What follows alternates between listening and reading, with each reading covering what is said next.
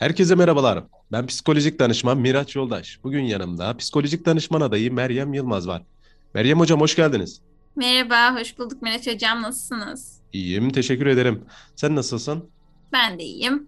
Çok güzel. Bugün e, Meryem Hocam'la beraber duyguların keşfi üzerine birazcık konuşacağız. Duygu odaklı biraz yaklaşımımız olacak aslında. Tabii ondan önce biraz Meryem Hocam bize kendini tanıtabilir. Bak Tabii. isterse. Olur. Ben Meryem Yılmaz, psikolojik danışman adayım. Marmara Üniversitesi Rehberlik ve Psikolojik Danışmanlık 4. sınıf öğrencisiyim. Duygular üzerine okuma yapmayı seviyorum, konuşmayı seviyorum. Ee, çoğu kişinin aksine. Miraç Hocam'la da yollarımız duygularla birlikte kesişti aslında.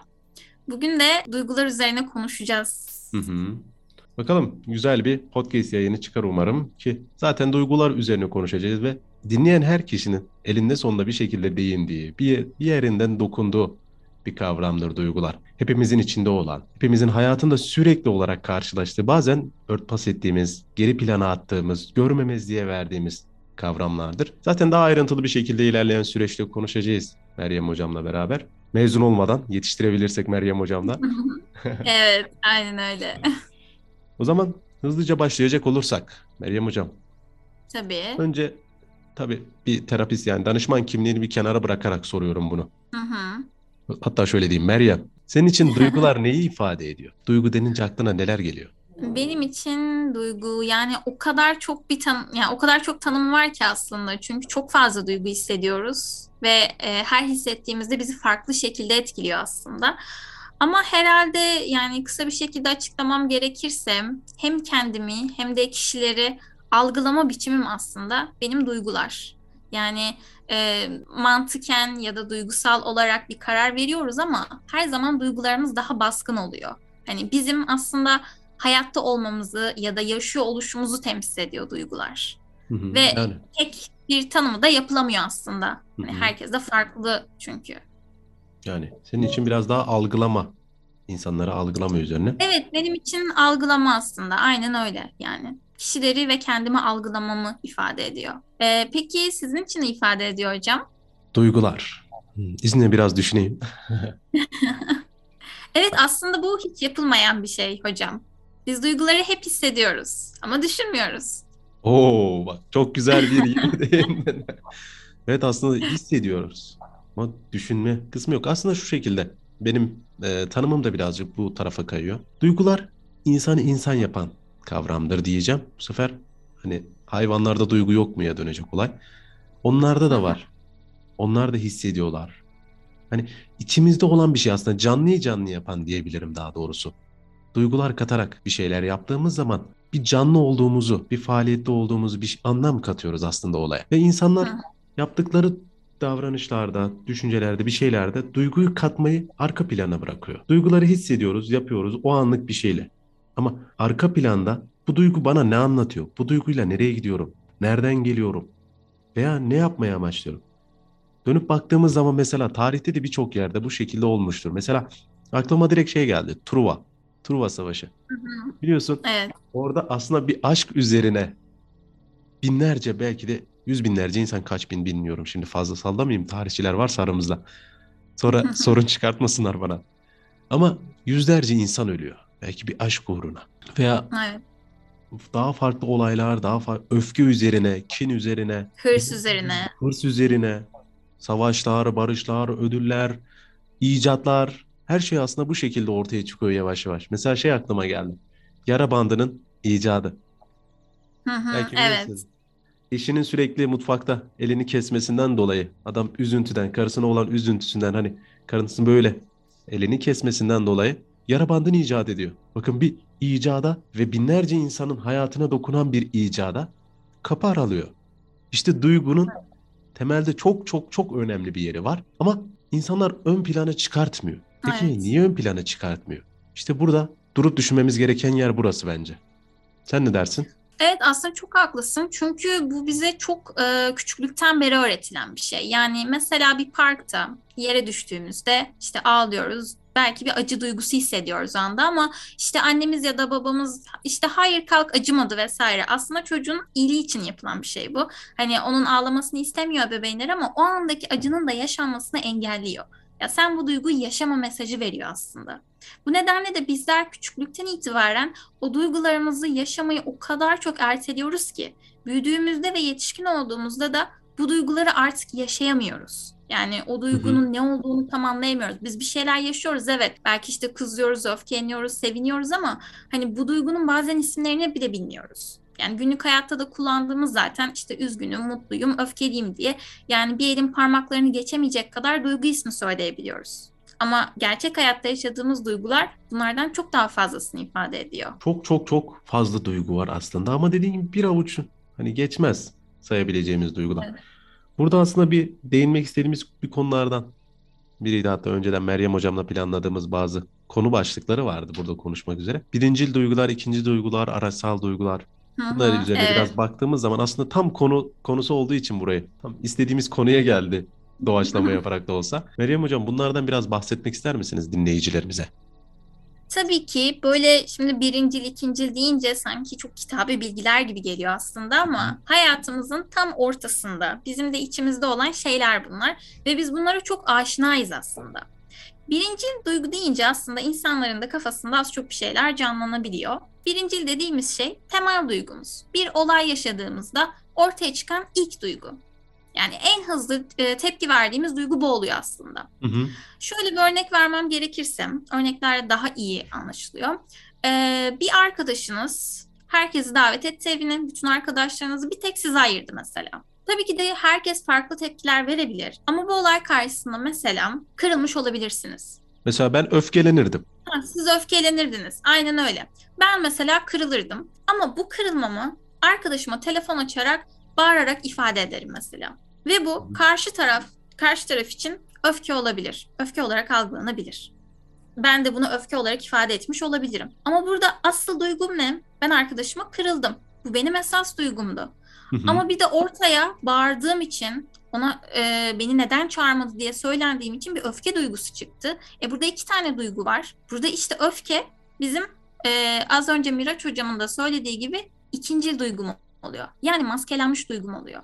Ve bizler toplum olarak da aslında bütün dünyadaki insanlar da bu maskelenmiş duyguları yani ikinci duyguları çok fazla kullanıyoruz. Neden? Çünkü biz duygular üzerine düşünmüyoruz. Duygular üzerine düşündüğümüz zaman ya evet ben bu duygu yaşıyorum. Ben şu an öfkelendim. Ben şu an kızdım. Sakinleştiğimiz zaman aslında düşünüyoruz ve o duygunun altında bir duygu yattığını hissediyoruz. Ve o zaman birinci duyguya ulaşmış oluyoruz. Şu an Miraç hocam söylemişti az önce ben öfkeleniyorum mesela dedi. Hı hı. Bazen öfke birincil duygu olabiliyor aslında. Birden öfkelenebiliyorsunuz. Ama yüzde doksan diyeyim size. Yani bunu dinlerken aklınızdan da geçirin lütfen öfkeli olduğunuz anları. Öfkelendiğiniz zaman işte öfke patlaması yaşıyorum dersiniz. Her zaman patlayan şey öfke midir orada? Mesela bunun üzerine düşünelim. Düşünelim hocam. Yani. Yani orada patlayan şey her zaman öfke değildir. Onun altında bir sürü şey yatar. Yalnızlık yatar, görülmemişlik yatar, üzüntü yatar. Hayal Ama kırıklığı öfke- belki. Kesinlikle öfke bizim dışa yansıttığımız şeyler oluyor aslında. İşte burada aslında öfke niye yansıtıyoruz? Hani burada mesele öfkeyi yansıtırken bir savunma var. Öfke her zaman bir savunmaya karşıdır. Yani demek ki bir durum var. Mesela hayal kırıklığına uğradım. Beni kırdın yerine öfkelendim diye arkadaşına tepki gösteriyorsun. Hı hı. Çünkü kendini savunuyorsun. Kendini güçsüz göstermek istemiyorsun belki de. Neden? Çünkü önce dediğiniz gibi çocukken düştün, ayağa kalk, bir şey olmadı. Güçlü dur. Orada ebeveynlerin yapmak istediği de yanlış değil aslında. Bir yandan hani Evet. çocuğa güçlü olsun ama işte bugün burada da aynı şeyi yapıyoruz. Mesela şu şekilde bir kitapta okumuştum. Çocukken bir şeyler yaptığımız zaman takdir ediliyoruz. Ebeveynler sürekli takdir ettiğini düşünün. Sürekli pekiştireç olarak. Aferin, çok iyisin, çok iyi yaptın, al sana şeker, al sana çikolata vesaire vesaire. Sürekli böyle pekiştireç veriyor. Ve çocukta ne oturuyor? Aslında takdir edilerek seviliyorum. Yani sevgi eşittir takdir edilmek. Bu çocuğun zihnine oturduğu zaman, büyüdüğü zaman da bir şeyler yaptığında yani 30, 40, 50, 60 kaç yaşına gelirse gelsin. 7'sinde neyse 70'inde de odur. Ya da Freud'un dediği gibi ilk 6 yıl ömrün ilk 6 yılı sonrasının bir göstergesi olacak. Yani ilk 6 yıl önemli. Bu şekilde büyüdüğü zaman da kişi takdir edilmeyi bekleyecek. Ya, takdir edilmedi karısından, iş yerinden, patronundan, arkadaşından takdir edilmedi. O zaman bunlar beni sevmiyor. Buna dönüyor. Evet. Ya da çocukken mesela sürekli şiddetle temas ettiğini düşünün. Bir çocuğa ebeveynleri sadece şiddet uyguluyor çoğu zaman. Çocukta ne olacak? Temas edilme ne oluyor? Şiddetle bağdaşlaştırılıyor. Yani sevgi bu sefer eşittir şiddet durumu ortaya Evet. çıkıyor. Büyüdüğünde ne oluyor? Şiddet göstererek aslında sevgisini göstermeye çalışıyor. Çünkü öğrendiği sadece o. Öğrendiğini Evet. yansıtıyor. Yani böyle sorunlar maalesef ortaya çıkabiliyor. Travmatik geçmiş sebebiyet verebiliyor. Evet aslında çok haklısın Miraç hocam. Çünkü e, bu aslında bizim yani alışkanlığımız yani öyle söyleyeyim aslında. Hani örnek verdiniz ya işte sevgiyi gösterme biçimimiz aslında duygularımızı gösterme biçimimiz de hani bizim neyi nasıl öğrendiğimizle ilişkili. Hani bir söz vardır ya hatta işte müziklere bile konu olmuştur. Erkekler ağlamaz sil gözyaşını diye. Yani çünkü az önce de söylediniz ya ağlamak bir güçsüzlük göstergesidir. Ama o ağlamanın altında yatan pek çok şey vardır. Duygular vardır. Ama bizler onu konuşmuyoruz. Özellikle erkeklere bu özelliği, e, duygusuz olma özelliği erkeklere atfediyoruz. Maalesef, Ya maalesef. bilmiyorum bir erkek olarak sizin düşünceniz ne ama. Yani burada aslında e, çocukluktan beri gelen şeyler var. Yine aynı şekilde ebeveynlerin tutumları, ailenin tutumlarına dönüyor olay. Ne? Duygularını gösterme. Niye göstermeyeyim? Ağlama. Erkek adam ağlamaz. Niye ağlamayayım? Niye çocuk değil miyim ben? Yani Aslında yani onları da pek e, tabii ki de bir şey söylüyorum ama onlar da aslında kendi anne ve babalarından böyle görmüşler. Geldikleri toplum bu yönde. aile menşei Hani kavramı. Ailenin kökünde ne varsa. kesinlikle ve e, bir aile her ne kadar e, çocuğuna duygularını yaşaması konusunda sözel olarak ifadede bulunsa bile anne baba bunu yaşamıyorsa yani çocuğuna model olmuyorsa hani e, çocuklar çünkü söylenenleri yapmaz. Hani Hı hı. yapılanları yaparlar. Burada anne ve babanın da aslında çocuklarına e, model olması çok önemli. Duygularını paylaşması yani kim babası eve geldiğinde işte bugün işte günün nasıl geçti denir genelde. Ama mesela bugün hangi duyguyu hissettin vesaire ya da mutlu musun diye sorulmaz pek genelde. Nasılsın denir. Ama mutlu musun denmez. Hı hı. Soru cümlelerimizde bile bizler duyguları biraz daha öteliyoruz aslında. bir gizli tutma durumu var. İşte burada önemli olan şimdi dinleyicilerimiz tamam duygularımızı gizliyoruz, biliyoruz. Peki ya nasıl farkına varacağız diye soruyor olabilirler. Aslında bu Evet. konuya da değinebiliriz biraz daha. Çünkü şu ana kadar söylediklerimiz zaten toplumda birçok kişinin farkında olduğu bir durum. Peki Hı hı. ikinci duygum, birinci duygum. Ya ben nasıl fark edeceğim ikinci duygumu, birinci duygumu o an diye bile düşünebilirler. Hı hı. Tamam daha sonrasında düşünebilirsiniz. Hani öfkeli veya farklı bir duygu varsa ortaya çıkan gizli duyguyu belki ilerleyen süreçte birkaç saat sonra, birkaç gün sonra fark edebilirsiniz. Mesela burada duyguları fark etmek için dört adımda bakabiliriz aslında. Dört adım üzerinden değerlendirebiliriz. Birinci adım Hı hı. olarak ortaya çıkardığınız duygunun sağlıklı olup olmadığına bakabilirsiniz. Yani ortaya bir duygu çıktı. Evet mesela daha yeniki öfke kavramı. Bu ne kadar Hı hı. sağlıklı? Ne kadar yapıcı? Arkadaşınıza bağırdınız veya tepki gösterdiniz. Ne olacak? O da tepki gösterir. Ya unuttum ne oldu yani? Ne oldu? Direkt bir birinci o verdiğiniz duygu, karşı tarafa verdiğiniz duygu yani ikincil olarak çıkan karşı tarafı suçlayıcı oldu ve arada bir iletişim kopukluğu oldu. Hani iletişim sağlanamadı. Belki unuttum, özür dilerim deyip çağıracaktı. Şu şekilde ifade etseydik. Aslında burada da sen dili ve ben dili kavramları ortaya çıkıyor aslında. Kesinlikle zaten ben iletişim problemlerinin duygusal problemler olduğunu düşünen bir insanım. Çünkü iletişimin altında sözler ve duygular da vardır. Tabii ki. Yani burada şu şekilde ifade edilseydi. Mesela Meryem hocamı çağırmadım. Ben her bütün arkadaşlarımı çağırdım. Meryem hocamı unuttum çağırmadım.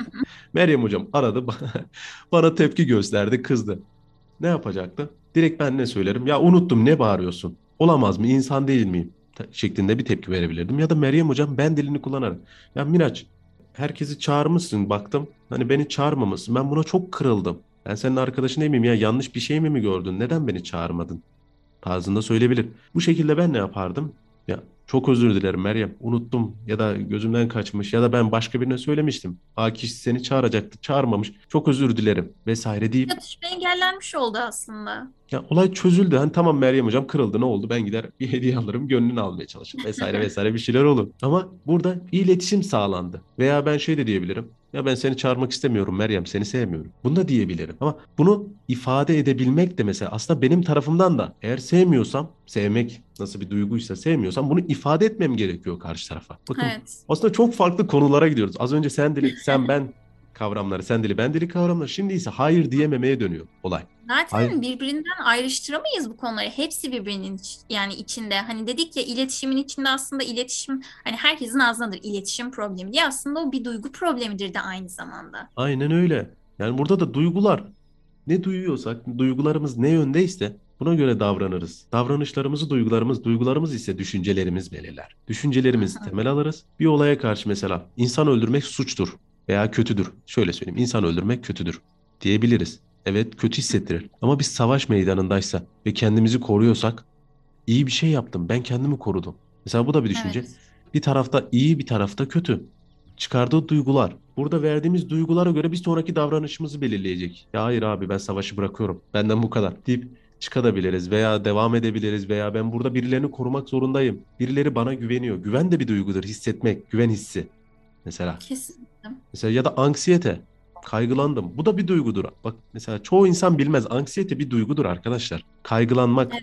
Kaygı. Ve farkındalığımızı arttırmamız gerekiyor. Aslında duygularımızın farkına varmamız gerekiyor. Ben bu durumu neden yapıyorum? Bu davranışı neden yapıyorum? Yaptım peki duygularına bak. Duyguların sağlıklı mı, sağlıksız mı? Sağlıksızsa bu duyguyu bir kenara koy. Sağlıklı olarak ne hissediyorsun, ne duyuyorsun? Hayal kırıklığı mı? Bunu ona göre ifade et. Öfkeyle değil. Kırıldım. Kırıldım olarak ifade et. Öfkeyle değil. Öfke bir aracı olarak kullanmayın. Yani aslında ikinci duygular aracı olarak kullanılan duygulardır. Temeldekine Evet. bakmamız gerekiyor. Ne oluyor? Sağlıksız duygular genelde karşı tarafı suçlayıcı ve saldırgan bir tutum olarak sergilenir. Sonra bu e, işlevsel olmayan duyguların altında yatan yıkıcı inanç ve görüşlere bakmamız gerekiyor. Öfkeyi çıkartan nedir? Ya kesin beni sevmiyor zaten o yüzden çağırmadı beni. O zaman arayayım bir kızayım. Gördünüz mü? Hemen alttaki düşünceyi görüyor musunuz? Yıkıcı bir inanç ve düşünce var. Belki Kesinlikle. unuttu. Yani hemen olumsuza, melimalıya, olumsuza, bilişsel çarpıtmaya, yanlış inançlara dönüyor olay. Bunlara dikkat etmemiz gerekiyor. Sadece hemen olumsuza yormayın. Mesela ben önceden Meryem'i 10 kez çağırdım, bir kez çağırmadım. Hemen Meryem ya zaten beni sevmiyor. Hiç böyle şeylere de çağırmıyor tarzında bir düşünceye kapılmasına kadar doğru. İşte olumsuza yorma durumumuz var Meryem. Bu yanlış. Evet. Ve hani bir sonraki aşamada ise işlevsel duygu ve ihtiyaçlara ulaşmamız gerekiyor. Mutluluk veren, iyi hissettiren ihtiyaçlara duyarlı, onları ulaştırmaya yönelik olan duygularımıza bakmamız gerekiyor. Ve bu duygulara baktıktan sonra, duygularımızı gördükten sonra, fark ettikten sonra, bize sağlıklı olan duyguları gördükten sonra bunları düzenlememiz lazım. Düzenleme üzerine. Mesela Meryem sen bir şeyler söylemek ister misin? Ben çok konuştum şu an. Okey. E, aslında farkındalığın içinde sen duygu düzenlemeyi resmen yedirdin zaten. Ben Öyle de mi? ona evet ben de ona ufak eklemeler yapayım. E, aslında şimdi duygu düzenlemek deyince böyle hani duygu e, soyut bir şeyi nasıl düzenleyeceğim? E, az önce Miraç hocam da bahsetti. Bir kere duygular bedende kendini çok iyi ifade edebilen şeylerdir. Mesela anksiyeteden de anksiyetesi olan bireyler e, yardım almaya gittiğinde ya da e, anksiyeten var denildiğinde, bunu fark ettiğinde e, fiziksel semptomlarından anlıyorlar bunları. Yani işte çok fazla e, terliyorlar, vücutları kasılıyorlar, işte kalbi çok hızlı atıyor, sürekli böyle vücutları gergin oluyor. Aslında o kaygı duygusu vücudundan bağırıyor ya bak ben kaygılıyım, beni gör, beni anla diyor mesela. Yani bu yüzden duyguyu aslında düzenlemenin ilk şey hani farkında olmak ya. Öyle çok soyut düşünmemize de hani ben ne düşündüm evet bu da çok önemli ama bedene bile odaklanmak ilk adım olabilir aslında. Yani duygunuzu düzenlemek istiyorsanız aslında öncelikle duygunun bedene yansımasına odaklanmak gerekiyor. Hı hı. Benim bedenimde ne var? Ben ne hissediyorum? Bu duygu benim neremde? Ardından bunu belirledikten sonra hani düzenlenecek bir şey olması için ortamda bir rahatsızlık olması gerekiyor. O duygu seni rahatsız etmiş olması gerekiyor. İşte e, senin bireysel ilişkini bozmuştur, kişiler arası ilişkini bozmuştur, sana zarar veriyordur mesela. Bu duyguyu düzenlemek istiyorsan işte orada bu işlevsel olmayan düşünce ne ortaya çıkıyor. Daha sonra ben bunu neyle düzeltebilirim çıkıyor. Hı hı. Mesela toplum içinde e, konuşmaktan çekiniyorsa bir kişi ya da işte çok kaygılanıyorsa e, kaygı herkeste farklı etkiler yaratır. Mesela kimisi donup kalır, kimisi çok öfkelenir, kimisinin yüzü kızarır, böyle olmasını istemez. E ne olacak bu sefer? Kaygı, Aa, evet ben kaygılıyım diyecek, bunun farkına varacak. Daha sonra da bu kaygı duygusunun yerine evet biraz rahatlamalıyım deyip kendi kendine o duygu düzenleme stratejisi dediğimiz şeyler üretmeye başlayacak. Bu herkes için farklılık olabilir. Bir müzik mırıldanmak olabilir, e, belki bir su içmek olabilir, biraz yürümek olabilir, sevdiği bir insanla konuşmak olabilir. Tamamen kişiye özgü şeylerden bahsediyorum burada. Hı hı. Yani duyguların düzenlenmesi de birazcık kişiye bağlı, kişideki yansımalarına bağlı. Farkına varıp duyguları düzenleyebiliriz. Bu şekilde aslında daha iyi toplumda yer edinebilir, ilişkilerimizi geliştirebilir, kendimize karşı tutumumuzu bile değiştirebiliriz. Ee, kesinlikle hatta bunu kolay bir şekilde yapabilmek için duygu günlüğü diye bir şey de var aslında arkadaşlar. Ee, Ben bilmiyorum hepimiz bunu.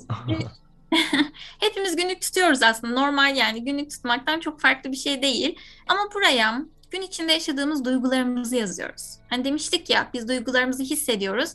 Hem konuşmuyoruz duygularımızı, hem düşünmüyoruz, hem de yazmıyoruz. Duygu günlükleri de bizim o gün ne yaşadıysan, hangi duyguyu hissettiysen onu görüp yazmana vesile oluyor. Çünkü yazarken aynı zamanda düşünme şansınız da oluyor.